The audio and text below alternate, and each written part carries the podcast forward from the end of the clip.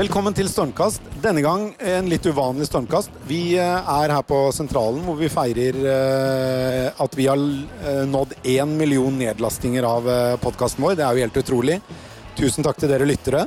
Det er en stormkast som for første gang mangler eh, fast makker eh, Petter Stordalen. Han eh, fant ut at han hadde dobbeltbooket. Det er ikke en uvanlig hendelse når det gjelder kaptein Sabeltann, men Kjuttaviga kaller på ham neste uke også, så i mellomtiden så får du nøye deg med meg og noen av de gjestene som kom på denne feiringen av Stormkast. Håper du liker denne, så snakkes vi igjen neste uke.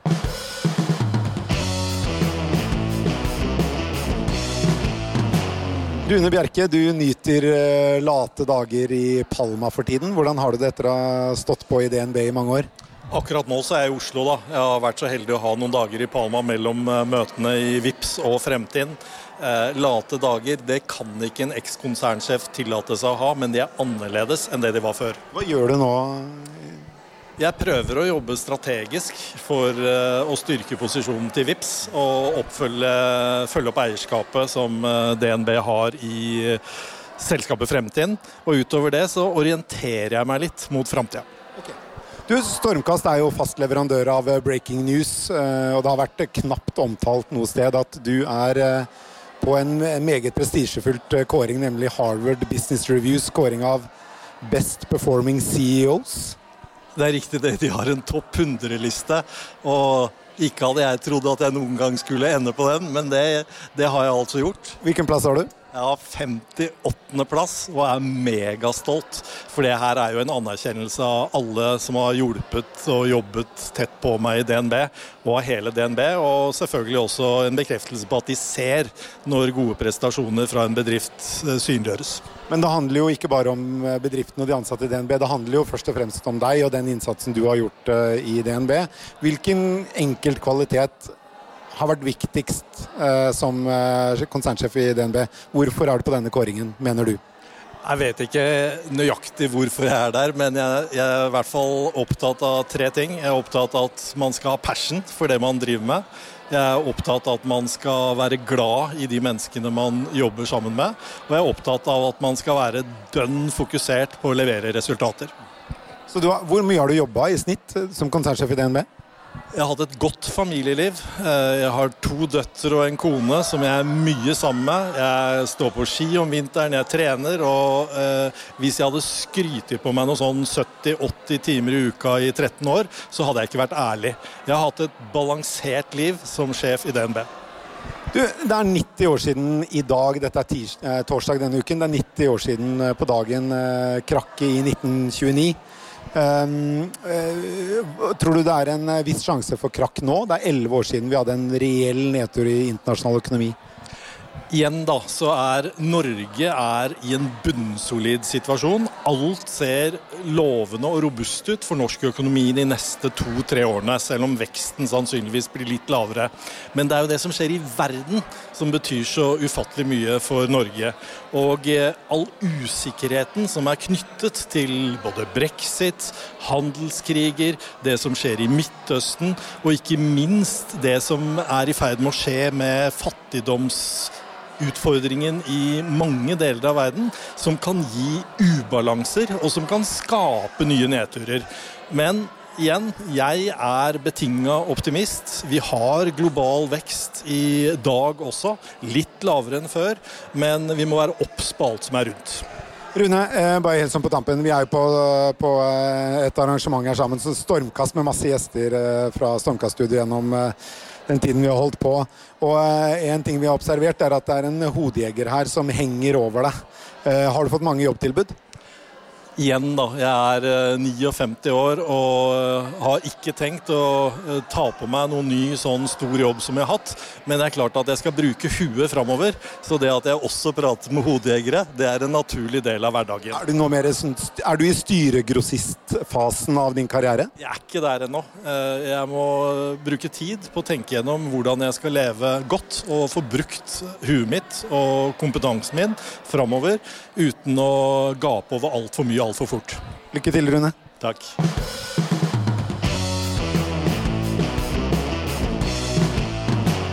Neira Matsic, du er jo eh, sjeføkonom i Prognosesenteret. og boligmarkedet er det du har virkelig kunnskap om. Hva tror du om boligmarkedet nå? Jeg tror den moderate prisutviklingen vi har sett de siste par årene kommer til å fortsette. Og jeg tror det er veldig veldig lenge til vi får et boligmarked à la 2016 igjen, der prisene stiger fort og raskt. Det tror jeg blir en ganske god stund til igjen. Hva vil det si? Vi, nå er vi i Oslo. Eh, hva vil det ha å si for Oslo-prisene, som er veldig styrende for eh, boligmarkedet ellers? Det vil si at eh, det vil være stadig flere som taper på bolig. Vi har gjort egne beregninger som er helt ferske, der vi ser at på landsbasis så er det nå 13% av de som har solgt boligen sin det siste året, som har tapt på boligkjøpet sitt. I Oslo så er denne andelen nå på rundt 6 men hvis vi ser på de som har eid bolig i kort tid, som er tre år eller kortere, så er det faktisk en fjerdedel av alle boligkjøp i Oslo som har endt med tap. Og de tror vi det bare vil bli flere av. Så det, den myten, holdt jeg på å si, eller ikke myte, men den holdningen vi har levd med at bolig bare genererer avkastning og bare vinning og bare positive eh, tall i retur, den tror jeg vi må legge litt i skuffen og belage oss på at det blir tøffere tider, tøffere tider for boliginvestorer, men også for mannen i gata som kjøper seg bolig for å bo i. Boligmarkedet har jo en underlig tendens til å påvirke folks tro på fremtiden. Eh, tror du at eh, et såpass slapt boligmarked som du beskriver, kommer til å påvirke utviklingen i norsk økonomi ellers også? Det tror jeg definitivt. Eh, fordi lavere vekst i boligprisene det fører til at salget av nye boliger blir slappere og faller. Og når det blir solgt færre nye boliger, så blir det bygget færre boliger, og det igjen påvirker BNP negativt. Så det er en runddans her. Eh, og vice versa igjen, dårligere utvikling internasjonalt og i norsk økonomi påvirker boligmarkedet også negativt. Men hvis renta settes ned pga. den dårligere utviklingen, så vil det være positivt for boligmarkedet. Så det avhenger jo helt av hvordan Olsen og co. reagerer. Ehm, enn så lenge det vi har sett, vi har fått fire renteøkninger på ett år. Eh, det er varslet en renteøkning til. Vi er ikke helt sikre på, sikre på, om det skjer. Eh, det blir veldig spennende å følge den internasjonale utviklingen videre, spesielt i USA, eh, men også det som skjer i eurosonen i forbindelse med brexit, for å se hva av dette som kommer til å smitte over til norsk økonomi.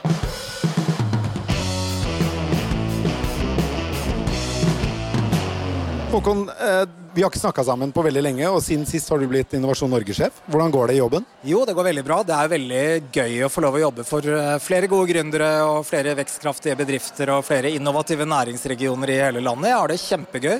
Var det en kommunikasjonsrådgiver som skrev den linja for deg? Nei, dette er faktisk Innovasjon Norges mål jeg nå har vært igjennom. er det det? Det er mål for Norge. Ja. Du, eh, innovasjon eh, er, litt, det er jo litt sånn cheesy ord. Det er jo et ord som er brukt fryktelig mye. Eh, og som mange ord som gjentas for ofte, så blir de tomme for innhold. Men hva, hva mener du er den aller, aller, aller viktigste jobben din som sjef for Innovasjon Norge? Å bidra til at Norge er et eh, bra land å leve i, at vi skaper verdier og opprettholder et høyt velferdsnivå i Norge. Så verdiskaping og arbeidsplasser er målet, innovasjon er virkemidlet. I Finansavisen så har det vært noe journalistikk på dette med statsstøtte til gründere, og at mange gründere egentlig er eh, subsidiemottakere på linje med bønder og, og andre. det er jo selvfølgelig ikke du enig i, men ser du poenget? Nei. Jeg hisset meg faktisk litt opp over det oppslaget. altså Startup Lab, som er brukt som eksempel, de har altså mottatt en statsstøtte på rundt 5 millioner og bidratt til eh, bedrifter som har mer enn en milliard i omsetning og mer enn 1000 arbeidsplasser. Og Da er det faktisk en god investering av oss som samfunn å investere de statlige midlene som skal til. Og den illusjonen om at eh, gründere går rundt med statlige skulderputer som gjør at de klarer seg bedre, det er bare tull. Det er tøff konkurranse, det jobbes hardt. Og de bedriftene som etableres eh, nå, delvis med støtte fra staten, det er de vi skal leve av fremover i Norge. Så det er superviktig. Det er jo en eh, litt annen profil på deg enn din forgjenger Anita Krohn Traaseth. Eh, har du vært bevisst i eh, hvordan du fremstår i media, i lys av hvordan Anita fremsto? Uh, nei, uh, jeg er jo generelt uh, lite bevisst på hvordan jeg fremstår i media. Derav min deltakelse i Stormkast. Nei, det er du. Du er vel bevisst hvordan du fremstår i media? ja, jeg er muligens det. Men jeg, det viktige for meg er at både Innovasjon Norge og det vi gjør, synliggjøres på en god måte. Og hva betyr det for deg? Hvordan er det du ønsker å fremstå som leder av Innovasjon Norge? Jeg ønsker at vi skal være en uh, faktabasert, uh, seriøs uh, leverandør av betraktninger om hvordan norsk næringsliv ser ut, hva det er som er utfordringene, og hvordan vi kan bidra til å løse dem. Hva lever vi av etter oljen? Oi, oi, oi, hvilket spørsmål. Vi lever sannsynligvis av veldig, veldig mange forskjellige ting. Og det er i seg selv en stor utfordring, fordi skal vi ut i et verdensmarked og være best på mange ting, så krever det en annen kompetanse og en annen måte å selge våre produkter og tjenester på enn det vi har vært vant til å gjøre. Så øh, olje- og gassektoren i Norge er beste, vår beste plattform fordi det handler om kunnskap og teknologi. Men nå må vi omsette den til noe annet og veldig mange andre ting. Så jeg kan ikke svare godt på spørsmålet. Jeg bare si at det er veldig mye på en gang. Ja. Takk skal du ha, Håkon. Lykke til. Tusen takk.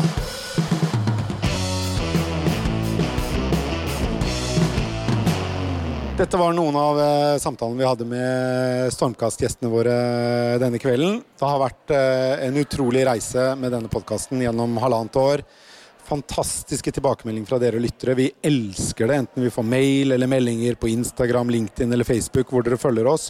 Vi oppfordrer dere til å gjøre det mer fremover. Vi eh, svarer kanskje ikke alltid like utfyllende, men vi digger det hver gang vi får tips og råd om hvordan vi kan bli bedre. Eh, og ja, jeg vet det.